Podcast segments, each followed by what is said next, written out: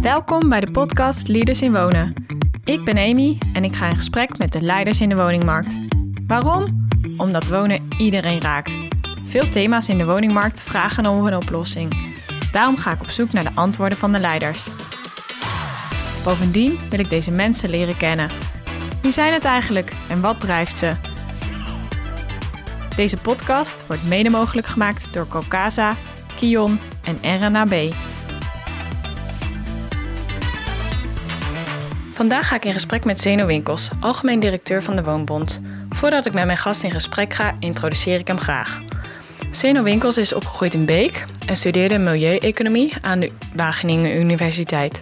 Hij startte zijn carrière bij het Delfts Energieagentschap en leidde deze stichting 11 jaar. In 2010 ging hij werken bij verschillende universiteiten in Zweden en had daar de rol van projectontwikkelaar op gebied van duurzaamheid. Zeno heeft ruim drie jaar gewerkt bij Woonbron en in 2017 ging hij werken voor de TU Delft. Sinds anderhalf jaar is Zeno algemeen directeur van de Woonbond. Zeno is 49 jaar, hij is getrouwd en heeft vier kinderen. Hij woont in Delft en doet in zijn vrije tijd aan rugby. Welkom Zeno Winkels, leuk uh, om uh, hier in Amsterdam uh, om de hoek bij mijn eigen huis op kantoor van de Woonbond met jou in gesprek te gaan. -hmm. Um, ik zou willen beginnen met de vraag, hoe heb je destijds de keuze gemaakt voor, voor jouw studie? veel mensen die ik interview in de podcastreeks, die kiezen bedrijfskunde of bedrijfseconomie. Maar waarom voor jou die specifieke keuze? Ja, die specifieke keuze milieueconomie in Wageningen, ja.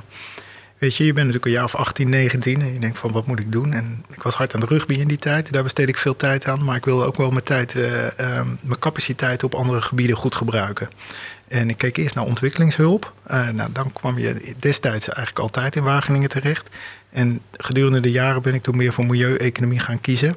Wat uiteindelijk toch uh, meer met getallen te maken had en meer met, uh, met, met waarde die ook in, in financiële waarde uitgedrukt werd, dan ontwikkelingshulp. En dat trok me eigenlijk daarheen. Toen na je studie ben je eerste baan begonnen en heb je een, een stichting opgezet. Hoe is dat destijds gegaan? Ja, die stichting heeft achteraf heeft hij eigenlijk uh, direct het fundament gelegd onder het werk wat ik nog steeds uh, doe. Dus uh, er was een Europese subsidie beschikbaar gekomen in Delft om de universiteit en het energiebedrijf en de woningbouwcorporaties aan elkaar te verbinden en samen duurzaamheidsprojecten uit te voeren. En dit is natuurlijk ergens uh, nog voor de eeuwwisseling. Hè? Dus duurzaamheidsprojecten, dat was nog ehm, alternatief linkerkant van het politieke spectrum werk. En onder leiding van de, van de wethouder destijds, dat was Rick Grashoff van GroenLinks toen, nou nog steeds. En um, werd, die, werd die subsidie voor die stichting binnengehaald en werd ik dus als kwartiermaker directeur van die stichting om al die partijen bij elkaar te voegen en budgetten en activiteiten en promotie te laten plaatsvinden en vast te stellen. Nou, die stichting groeide naar een man of tien op een gegeven moment. En wij deden energieprestatieadviezen, hingen overal zonnepanelen op kregen nieuwe Europese subsidies voor andere projecten onder mijn leiding, waardoor ik een soort specialist werd in Europese subsidies binnenhalen. En eigenlijk heb ik dat tot een jaar of twee geleden ben ik dat blijven doen. Dus het bouwen van projecten met diverse stedelijke partners, met een heel grote duurzaamheidscomponent en een component van Europese financiering voor de extra activiteiten die plaatsvinden. Ja, en dat is eigenlijk uh, de core geweest van, mijn, van wat, ik, wat ik bijdroeg. Dat heb ik op verschillende plaatsen in Nederland en uh, Scandinavië gedaan. En eigenlijk was je je tijd ver vooruit. nou ja, rond de eeuwwisseling kwam, uh, kwam El Gore hè, met zijn, uh, met zijn okay. film. Dus ik was maar eventjes mijn tijd vooruit. Nee, maar ja, nu is het natuurlijk een heel, heel groot thema. En, en dat is denk ik wel steeds, steeds belangrijker ge geworden. Heb jij dat ook zo ervaren of gezien? Ja, absoluut. absoluut. Je, je hebt natuurlijk, uh, um, zeker sinds de Parijs uh, 2015, zie je gewoon uh, duurzaamheid bovenaan op de agenda staan. Tegelijkertijd zie je, het, zie je het op de agenda staan van mensen die voldoende uh, geld hebben. En ehm, wat mij op een gegeven moment een beetje ging, ehm, wat ik lastig vond, was dat op een gegeven moment een soort technology push kwam. Van nou, dit is het nieuwste zonnepaneel, dit is de vacuümisolatie die we nodig hebben, dit is het warmtenet wat jullie uit je lijden gaat verlossen. Terwijl de mensen in de straat, die gewoon wonen en het dagelijks leven leven, financiële zorg hebben. Zorg hebben over hun kinderen. Zorg hebben over hun gezondheid. En niet zorgen, heel eerlijk gezegd, over een, een ijsbeer ergens in het noorden. En omdat ze daar niet aan toe komen. Dus op een gegeven moment had ik toch het idee van ja, bij de woonbond zit ik dichter op, op de mensen, zit ik dichter op de besluitvorming van het individu. En ehm, eigenlijk wil ik, daar, wil ik daar zitten om daar te helpen. Om daar te zorgen dat we, dat we met z'n allen verder komen. Ook wel op duurzaamheidsgebied. Ik denk ultimo meer uit een gezondheidsdriver dan uit een wat is het beste voor de wereld te driver. Dus ik denk dat je op het punt van gezondheid en gewoon een goed leven voor je kinderen en jezelf, dat dat een betere driver is voor verduurzaming dan hoe het nu gaat, waar je zegt van nou ja, 60 wijken van het gas af, want het moet nou eenmaal vanwege Parijs. Daar heb je niks mee, vind ik, als individu. En ik denk dus dat de groei van uh, gezondere en groenere wijken een veel betere driver zal zijn, zal blijken de komende jaren. Nou ja, en je maakt nu uh, gelijk de overstap naar de, naar de woonbond. Uh, um, ik zou graag nog even terug willen gaan naar um, de tijd dat je ook um, in Zweden hebt gewerkt. Mm -hmm. Hoe heb je ja, ooit, uh, hoe ben je ooit in Zweden terechtgekomen eigenlijk? Ja, ja, ja. Nou ja, kijk, ik ben natuurlijk ook gewoon een simpele echtgenote. En op een dag zijn bij vrouwen van, uh, goh, moeten we niet in Zweden gaan wonen? Toen zei ik van, oké. Okay. En uh, nou, toen hebben de vier kinderen en onszelf in, in de bus gepakt en zijn we in Zweden gaan wonen. En dat kon ook, want een, uh, ja, een man die Europese subsidies voor projecten kan regelen, die is wel welkom op, op diverse plaatsen. En zo ook in Zweden. En ik kon toen op de Universiteit in Stockholm werken. En uh, ja, wat ik, je, wat ik je net al vertelde, hè, het was min 20 toen we aankwamen. De vrachtwagen met spullen had er al een nachtje gestaan. Dus wij vulden eigenlijk het huis de volgende dag met allemaal meubelstukken van uh, 20 graden onder nul. En het huis is nog twee dagen ijskoud geweest, zeg maar. Uh, en nou, allemaal van dat soort dingen maak je natuurlijk mee. Uh, tegen een achtergrond van een land wat technisch gezien die kou gewend is. Dus driedubbel glas heeft, warmtenet heeft uh, in al zijn steden. En toch ook moet vernieuwen en zich aanpassen aan, aan, aan energieprijzen en, en de wens om, om, om energie-neutraal te zijn. Nou, dus dat was een hele mooie tijd. Um, het was leuk om te zien ook hoe die Zweden toch nog meer dan wij Nederlanders uit het consensusmodel werken vergaderen, vergaderen, vergaderen. Totdat ze uh, het allemaal over eens zijn hoe iets gebeuren moet. En dan gebeurt het ook gewoon snel. Waar wij in Nederland, voor mijn gevoel, eerder zeggen ja. En alle problemen dan along the way uh, uh, oplossen. Ik denk niet dat een van de twee sneller of superieur is aan de andere. Maar het is een ietsje andere manier van werken. Was je daar snel aan gewend? Nou ja, ik ben nooit zo dominant in vergaderingen. Dus ik zit al gewoon te kijken van... goh, wat gebeurt hier, wat gebeurt daar? En dan neem ik dat zo eens een beetje tot me. En je zei, ik ben uiteindelijk, uh, had mijn vrouw het idee om naar Zweden te gaan. Wat was voor haar dan de reden om daar naartoe te gaan? Nou, wat, waar het ons om ging was uh, dat het wat, uh, voor zo'n groot gezin wat vol was in Nederland. En dan bedoel ik niet qua, uh, qua emigranten of andersdenkenden, maar gewoon weinig leefruimte. En in Zweden is het veel groener en is de natuur echt dominant aan, aan wat je in Nederland aantreft. En ik weet nog, de eerste keer dat we bij een meertje waren, dat we dachten we lopen er even omheen. Maar dat we helemaal geen fietspad konden vinden om er omheen te lopen. En uh, gewoon omdat je daar zoveel meer hebt, dat er helemaal geen infrastructuur is om daar als recreant gebruik van te maken. En dat is toch echt wel een ander niveau uh, vergeleken met wat we in Nederland hebben, waar de natuur pure recreatie is, die ook zwaar overbelast is op dagen dat het uh, mooi weer is. Zeg maar. En in, in, Zweden is het helemaal niet zo. Daar is de, de mens een, uh, een nietig wezen uh, te midden van de, van de natuur. En als je dan in Nederland bent, ja, wat vind jij dan van de natuur? Of waar ga je dan zelf naar, naartoe als, je, als je de natuur wil opzoeken? Ja, maar nou, mij vind je in Nederland in mijn vrije tijd meestal op een rugbyveld. Dus dan is mijn natuurbeleving een gezicht in het gras, zeg maar. of een bebloede knie met een beetje geluk. Um, en dat, dat is gewoon echt een andere schaal dan, dan wat we in Zweden hebben aangetroffen. Dat kan je niet met elkaar vergelijken. Nee, en ga je nog graag terug? Ja, het is heerlijk daar. Maar ik heb ook wel daar eh, veel slecht weer gehad hoor. Dus we kunnen ook zomaar naar Frankrijk gaan in de zomer. Nou, je, je vertelde al, ik ben uh, uiteindelijk ook weer in de uh, rol bij uh, de Woonbond... wilde ik ook wel weer meer op zoek gaan naar echt de huurder helpen. Gewoon meer vanuit die gezondheidsgedachte. Je bent hier eh, begonnen eh, tijdens de coronacrisis. Um, uh, hoe is het om, om nu anderhalf jaar ergens als algemeen directeur werkzaam te zijn ja, in deze tijd? Ja, dat is wel een heel interessante start, zeg maar, in zo'n leeg kantoor. Ze hadden je een directeurspositie beloofd, maar je bent de enige in het hele gebouw. Dus dat was, dat was leuk om mee te maken. Ehm, wat je merkt is dat het moeilijker is om al het personeel bij elkaar te hebben. Dat het moeilijker is om een wijgevoel op te bouwen. En ik vind met name voor de jonge medewerkers de micronutriënten van het leven is toch uh, wat leren van mensen om je heen. iemand die wat ouder is, die iets meegemaakt heeft wat jij voor het eerst meemaakt, die je uh, een advies kan geven, die een tip kan geven, hoeft wat mij betreft niet eens werk te zijn. Kan ook gewoon persoonlijk zijn. Al die kleine interacties, die hebben mensen voor zichzelf moeten oplossen. En uh, ik weet eigenlijk niet hoe het bij de Woonbond ging voordat ik hier was. Maar ik ben heel blij dat het nu weer een beetje opstart. En dat we gangen hebben waar 7, 8, 9 mensen hard aan het lachen zijn of hard aan het werk zijn. Allebei vind ik belangrijk. Um, en ik denk dat, dat, dat we er beter aan toe zijn als werknemers wanneer dat gebeurt. Wat viel je eigenlijk op toen je hier begon? Hmm. Vergeleken met de universiteit, waar ik eigenlijk uh, werkte voordat ik bij de Woonbond begon, is um, de, in de universiteit hebben ze een, uh, een setting, een sfeer waarbij mensen meer op hun tenen lopen dan hier het geval is. Dus zonder nou direct uh, mensen van gebrek aan ambitie uh, te verwijten, merk je dat uh, de individuele excellentie in die academische wereld een heel belangrijke driver is.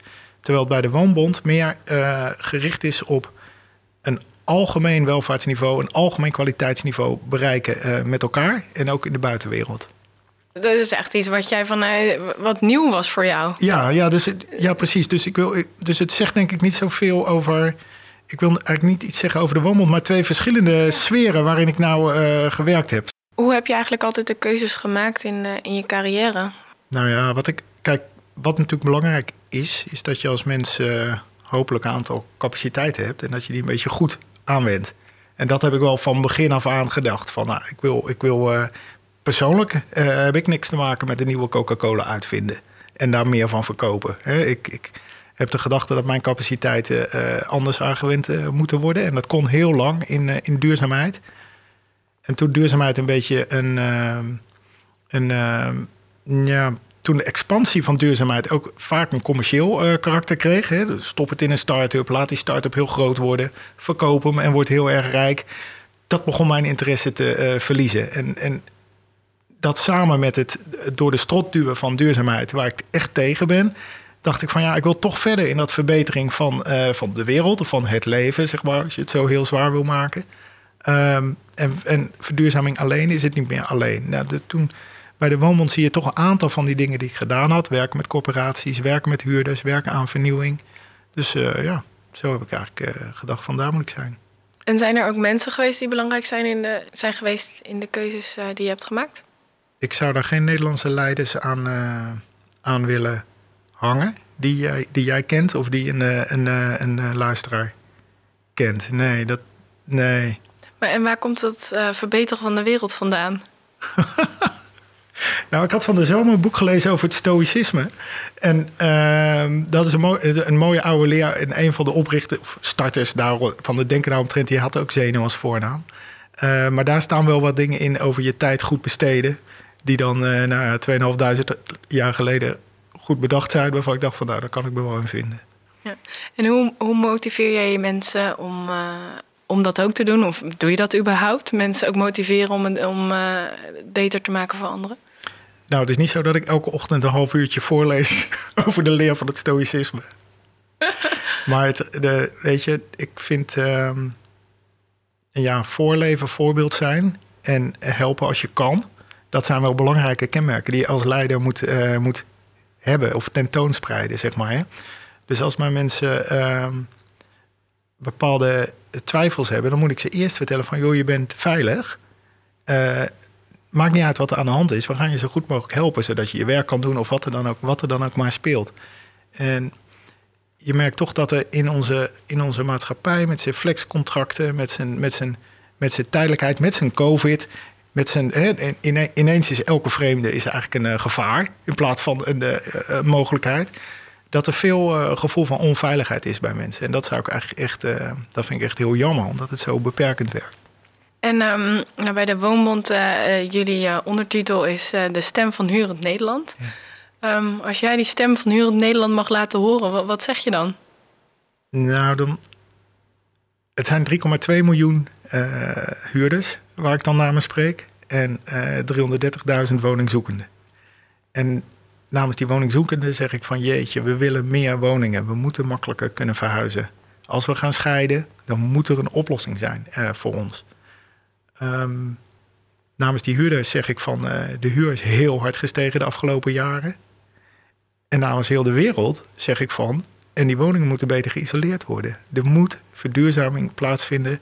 En in de slechtste woningen moet gewoon nog een kwaliteitsslag plaatsvinden. En dat zien we ook wel in de particuliere sector. Dus met uh, eigenaren die één, twee of drie woningen hebben en die verhuren. Dat we daar heel veel slechte energielabels uh, zien. En dat, dat is een mes wat uh, op dit moment aan twee kanten echt bloed snijdt. In de zin van meer broeikaseffect hè? Meer, en voor die huurder meer energiekosten. dus niemand heeft daar wat aan. En als we um, ingaan op uh, die drie verschillende onderdelen, dus je zegt nou voor huurders is eigenlijk die huren zijn enorm gestegen. -huh. um, ja, wat, wat zouden we daarmee moeten? Nou, kijk, het, het simpelste antwoord is verlagen, natuurlijk. Hè? Um, maar we weten ook van als je het um, in één klap voor iedereen verlaagt, dan, dan komt het vaak niet terecht bij de mensen die het allerhardste nodig hebben. Nou, de Nibud heeft uitgerekend, er zijn ongeveer 800.000 mensen van die 3, huishoudens van die 3,2 miljoen die, um, die het echt maar nauwelijks kunnen betalen, de huur, die op andere dingen besparen. Ja, dat soort, als je in die situatie zit, heb je eigenlijk hulp nodig. En, en wij, wij hadden een land waarin je dan ook hulp uh, kreeg. Hè?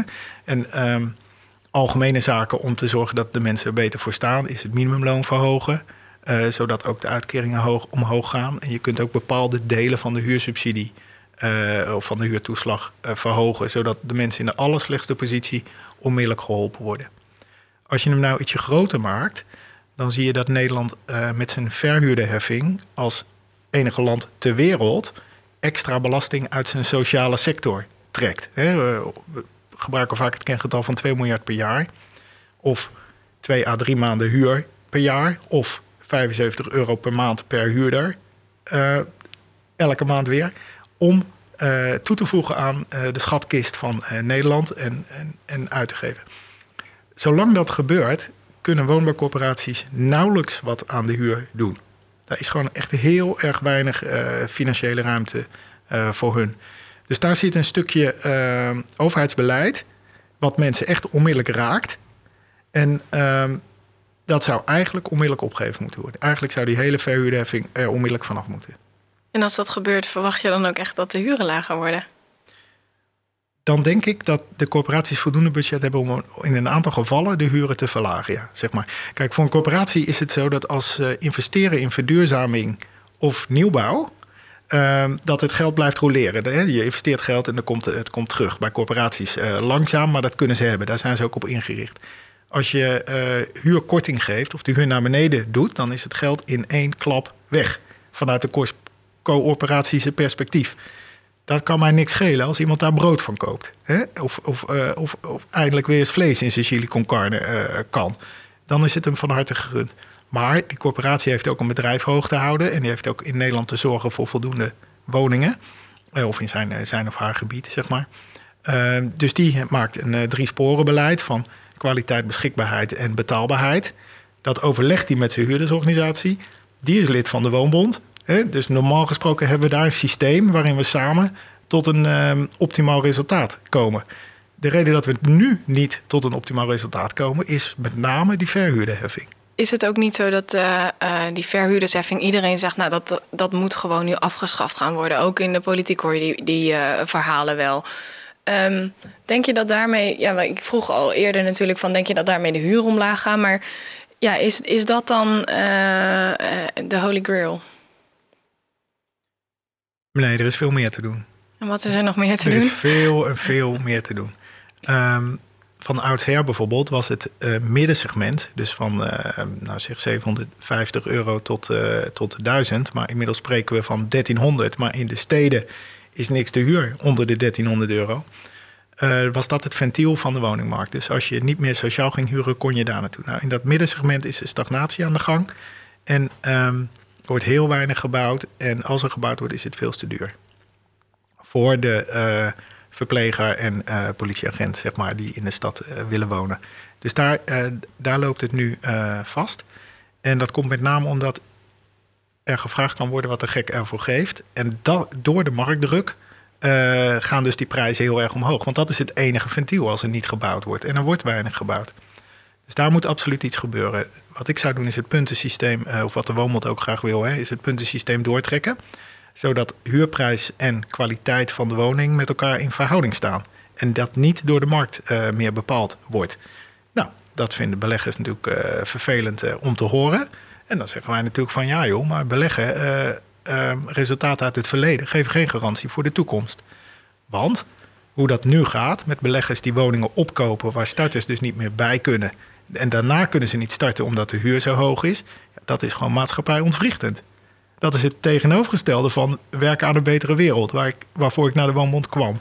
Dus dat is een stukje waar we heel erg uh, tegen zijn. En waarvan we echt zeggen van, vindt hij nou een oplossing voor die past bij het Nederland van vandaag. Met zijn stress op de woningmarkt, met zijn woningzoekenden, met zijn ehm, tienduizenden mensen die gaan protesteren in het weekend.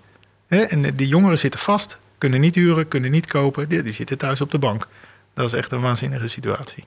Ja, je noemde het al, uh, uh, de woonprotesten. Ja. Um, ja, je bent uh, zelf in Amsterdam erbij aanwezig geweest. Was je ook in Rotterdam erbij? Ja. ja. Wat, wat, wat, is jouw gevoel na die, pro na die protesten? Ja, nou, in Amsterdam hadden we een, ehm, was het mooi weer. En de politie was vriendelijk. En we hadden een, een, een zachte, lichte dag. Maar wat mij daar heel erg bijbleef was... Nou, die mensen onder de 40... die protesteren van, van tien uur s ochtends tot, tot zes uur s avonds.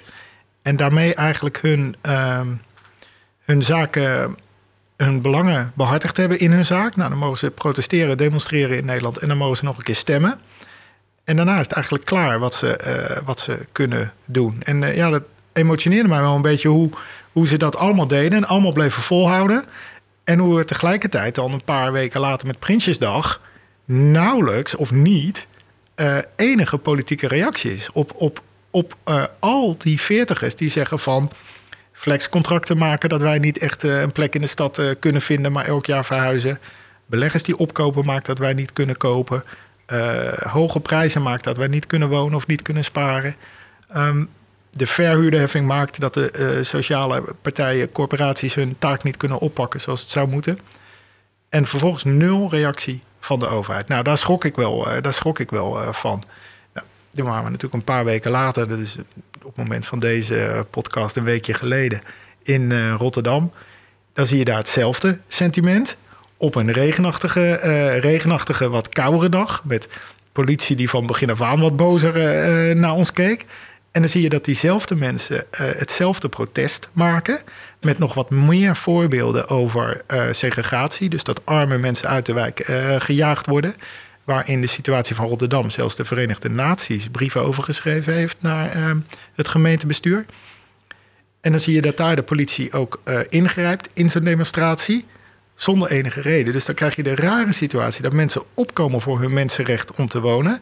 En terwijl ze demonstreren, waar je ook recht op hebt, of misschien moet ik zeggen had in Nederland, omsingeld worden en gearresteerd worden, terwijl ze niks doen. Nou ja, ik kijk echt met hele grote ogen daarnaar. En ik, uh, dacht dat ik bij de Woonbond ging werken aan, uh, aan een beter Nederland, aan een beter functionerende woningmarkt. En wij worden opeens met situaties geconfronteerd waar gewoon mensen hun grondrechten achter elkaar met voeten getreden worden. Ik vind het echt uh, ongelooflijk om mee te maken. En na die protesten, je zei uh, Prinsjesdag hoor ik daar weinig van terug. Woonbond is denk ik ook wel echt een lobbyorganisatie. Wat doen jullie dan nog in die lobby daarna of, of daarvoor? Of ja, nou, kijk, wat je doet is onder andere met uh, Kamerleden spreken en zeggen van. Het kan heel technisch zijn, het kan gaan over energielabels en energiearmoede. En het kan ook gaan over het grote verhaal van de verhuurdersheffing, zeg maar. En uh, samen met Edes en nog 30 partijen hebben we ook gezegd van als die verhuurderheffing eraf gaat, dan kan dit gebouwd worden en dit betaald worden. En dan kan in een jaar of tien dat hele probleem van een miljoen woningen te weinig opgelost zijn. Nou, dat pushen wij natuurlijk naar voren bij die uh, Kamerleden. Maar wat je natuurlijk hebt gezien is dat met de verkiezingen toch ongeveer dezelfde partijen veel stemmen kregen als vier jaar geleden en ook als acht jaar geleden en ook als twaalf jaar geleden. En je ziet nu een coalitie ontstaan die dezelfde is als vier jaar geleden. Dus wij zijn bang dat die hetzelfde beleid gaan, gaan doen. En je zal zien dat die woningmarkt dan helemaal verschrompelt. En wat de jongeren dan gaan doen en wat de woonbouwcorporaties dan gaan doen, daar willen wij heel graag bij, tenminste als ze gaan protesteren en demonstreren, daar willen wij heel graag bij helpen. Want de overheid of de, de Kamerleden in dit geval, de coalitie, moet begrijpen dat het niet kan. Je kan niet tot je dertigste thuis wonen.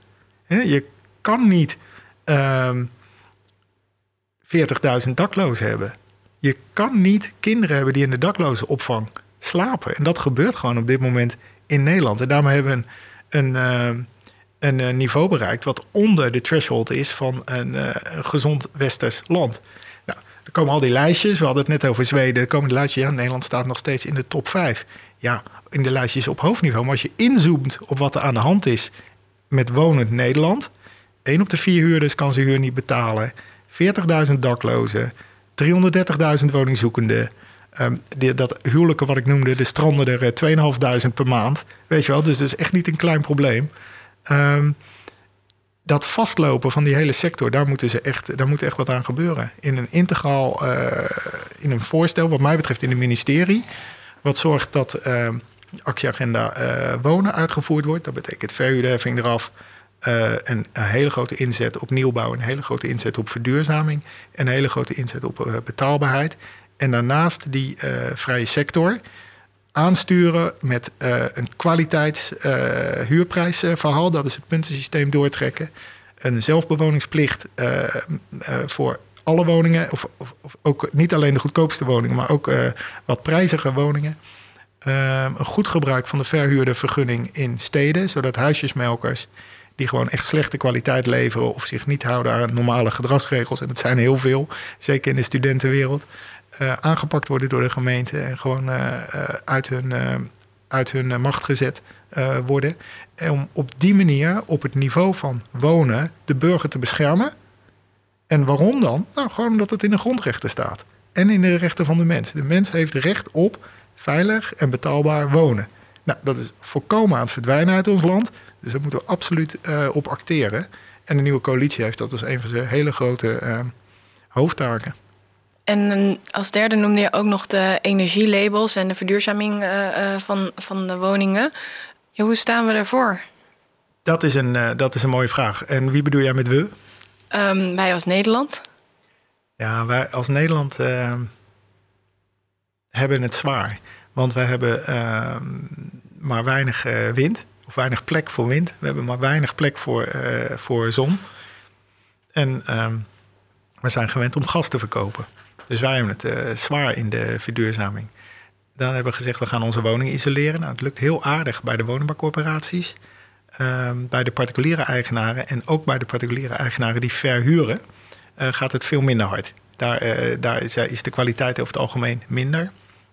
En het is ook moeilijker om ze te overtuigen om te verduurzamen. Um, dan heb je natuurlijk nu de house van hele hoge energieprijzen. We wisten dat het ging komen. Hè. Uh, met een eindige voorraad.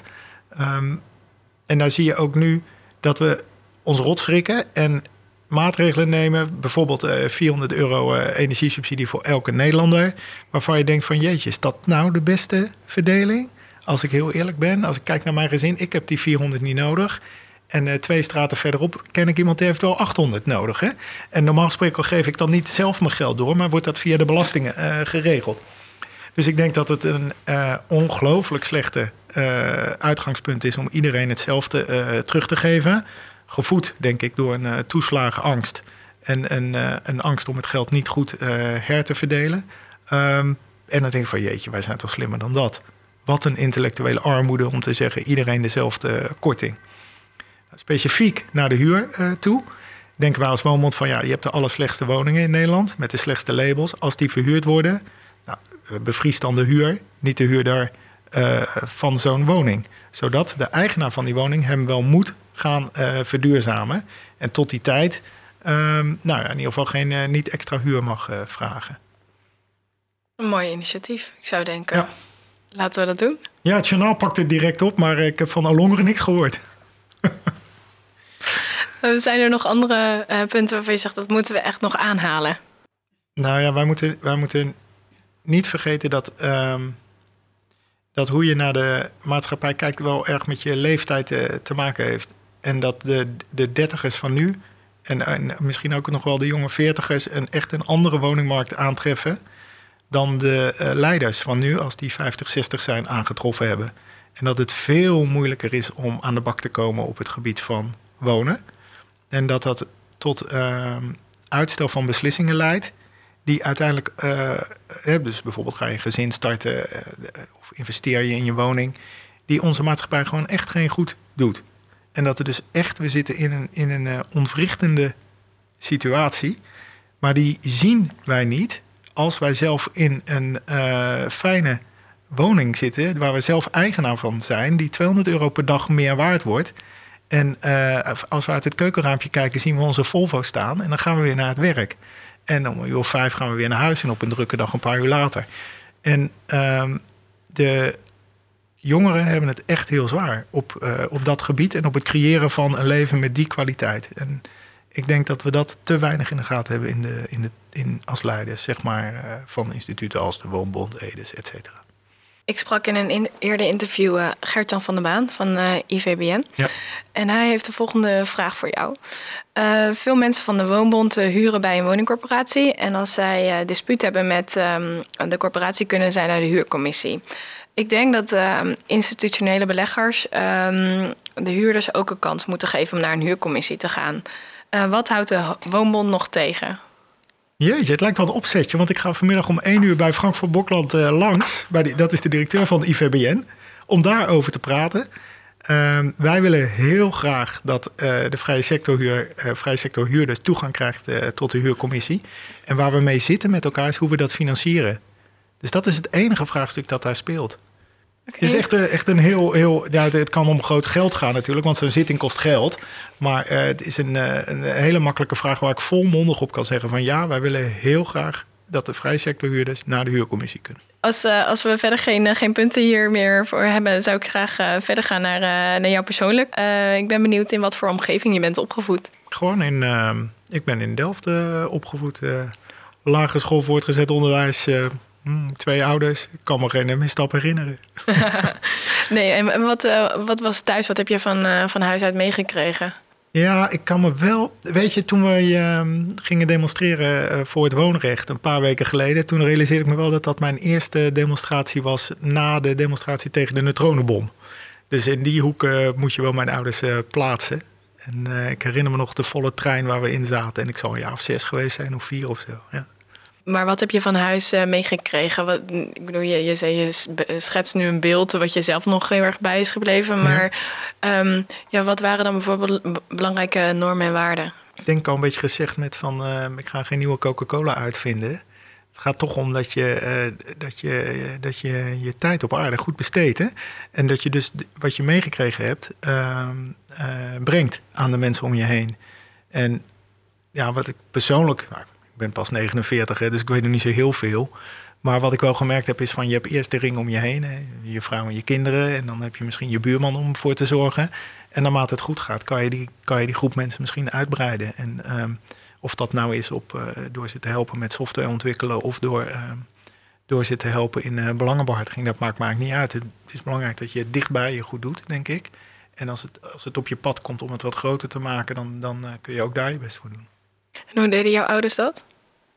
Nou, mijn vader die was een adviseur in uh, scholenbouw. En mijn moeder die had ook een mooie zorgtaak voor um, buitenlandse studenten aan de TU Delft. En die is later nog een poosje um, pedel geworden. Dat is een uh, hele ceremoniële rol als mensen promoveren. Dus ik loop nog wel eens tegen een professor aan die haar ook uh, gekend heeft. Ja. Dus dat jij die richting ook een beetje op bent gegaan, dat is toch wel echt van, vanuit jouw moeders kant. Nou, hoe ouder je wordt, hoe meer je merkt dat dat onoverkomelijk is ben wel benieuwd wat jouw eerste zelfstandige woning uh, was nadat jij het ouderlijk huis verliet. Hmm, dat was een heel klein kamertje in de wijk De Nude in uh, Wageningen. Aan de Groen van Prinsterstraat. Dus echt, was het een studentenhuis of was het Dat was een uh, appartement, ik denk van een woonbouwcorporatie. Destijds had je geen uh, internet eigenlijk. Dus je moest naar een kamer of naar een, uh, een verzamelpunt waar kamers waren. En ik kwam daar aan en tegelijkertijd kwam er een man aan die zei: Ik kom mijn appartement aanmelden. En toen zei ik van nou, ik neem wel de eerste kamer daarin. En dat is toen gelukt. En die was 2 bij 4 meter. kon net aan een bed in. Ja, precies. Waar ben je het meest trots op als je kijkt naar je loopbaan? Hmm. Ik ben wel heel blij met een aantal uh, Europese projecten waarin we het leven van mensen, dus één op één, verbeterd hebben. Dus waarin zij uh, een beter leven hadden na het project dan voor het project. Met name omdat ze een beter geïsoleerde woning hadden met een hogere kwaliteit, verwarming en dat soort, uh, dat soort zaken. Dus als je het één op één kan verbeteren, dan is het mij altijd, staat het dichter bij mijn hart dan dat hele grote, zeg maar, wat over 6, 7, 8 jaar dan zijn uitwerking heeft. En hoe, uh, want als je met zo'n project bezig bent, dan kan het ook nog best wel op afstand zijn. Hoe mhm. maak je dan toch weer die, die verbinding of zoom je in dat dat dan toch ook weer zo uh, tastbaar voor jezelf is? Ja, nou, dat, dat is iets wat, uh, wat ook heel erg in de woonbond zit. Dus dat is heel leuk voor mij hier. Wat je gewoon doet natuurlijk, is aanbellen en met mensen praten. En dat is wat je moet doen als je, als je verder wil komen met elkaar. Hè? Dus toevallig was ik gisteravond in Den Bosch met een, uh, met een man of twintig die uh, uh, allemaal commercieel huurden. Ehm, en ehm, nou, die hebben dan zo hun problemen. En dat kan het onderhoud zijn, of het kan zijn dat het onderhoud steeds door een andere partij gedaan wordt. En er was een partij die had, daar waren de dakgoten verdwenen, waardoor er opeens wateroverlast was. Eh, en dan zie je dat die mensen niet per se heel boos in het moment zijn, maar samen op zoek zijn van: Goh, wij hebben dit, nou, wij hebben het zo opgelost, wij hebben dit, jongens. Weten jullie wel wat er aankomt qua verduurzaming? Um, en dan heb je het één op één contact om te kijken van hoe komen we nou verder met elkaar. En het kan niet zonder dat. Er is geen enkele andere manier dan contact maken en samen bedenken van we gaan die kant op, een goed voorbeeld volgen en, uh, en dan handelen. Zijn er boeken die jou uh, in het bijzonder geïnspireerd uh, hebben? Je noemde er net al een die je laatst gelezen hebt, maar die je bijvoorbeeld ook zelf cadeau geeft aan mensen? Of, um, Nou, ik zou ze niet gauw cadeau geven, maar ik heb alle boeken van uh, Jared Diamond uh, gelezen. En dat is een antropoloog die schrijft over uh, verdwijnende samenlevingen. wat vind je daar dus, zelf zo, zo, boeiend aan? Nou ja, pak, pak Paaseiland, hè, waar, waar wat ze helemaal leeg gegeten hebben volgens de overlevering, waardoor ze niet verder konden leven. Ehm, en dat is natuurlijk toch wat op het gebied van duurzaamheid speelt in, in de wereld als wij het onleefbaar maken voor onze, voor onze kinderen, dan, dan uh, hebben zij het slechter dan wij. Terwijl we uit een periode komen waarin elk mens het elke keer beter uh, kreeg. kreeg pardon. Um, dus daar heb ik veel van uh, gelezen en toen eigenlijk zelf gehandeld. Als je, nou, als je het nou heel persoonlijk maakt, dan um, heb ik die boeken van Covey ook wel gelezen. Zeven karakteristieken van succesvolle mensen maar dat is natuurlijk altijd een Amerikaanse titel. Hè? Ja, dat vond ik ook wel leuk. De verschillende rollen die je hebt, uh, staat daarin benoemd. Ja. En ik ben nog wel benieuwd naar de eerste boeken die je, die je noemde. Hoe kijk jij dan uh, uh, daarnaar? Gaan, gaan we het op tijd omdraaien of gaat onze samenleving ook ten onder? Ik denk dat, dat de oplossing niet ligt in techniek, maar ligt in een soort nieuwe bescheidenheid die over ons zal moeten komen. Waarin we veel minder consumeren. Maar als je kijkt naar de scenario's, dan uh, zie je op dit moment een soort Fort Europa uh, ontstaan. en een van de sprekers in Rotterdam zei het mooi.